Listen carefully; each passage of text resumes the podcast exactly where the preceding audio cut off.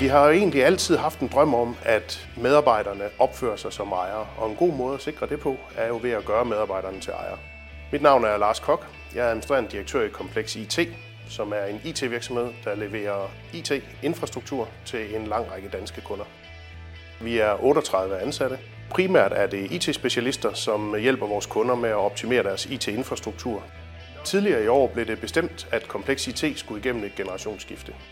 Måden det blev gjort på var, at der blev stiftet et holdingselskab, som øh, købte de gamle ejere ud, og som medarbejderne så købte sig ind i.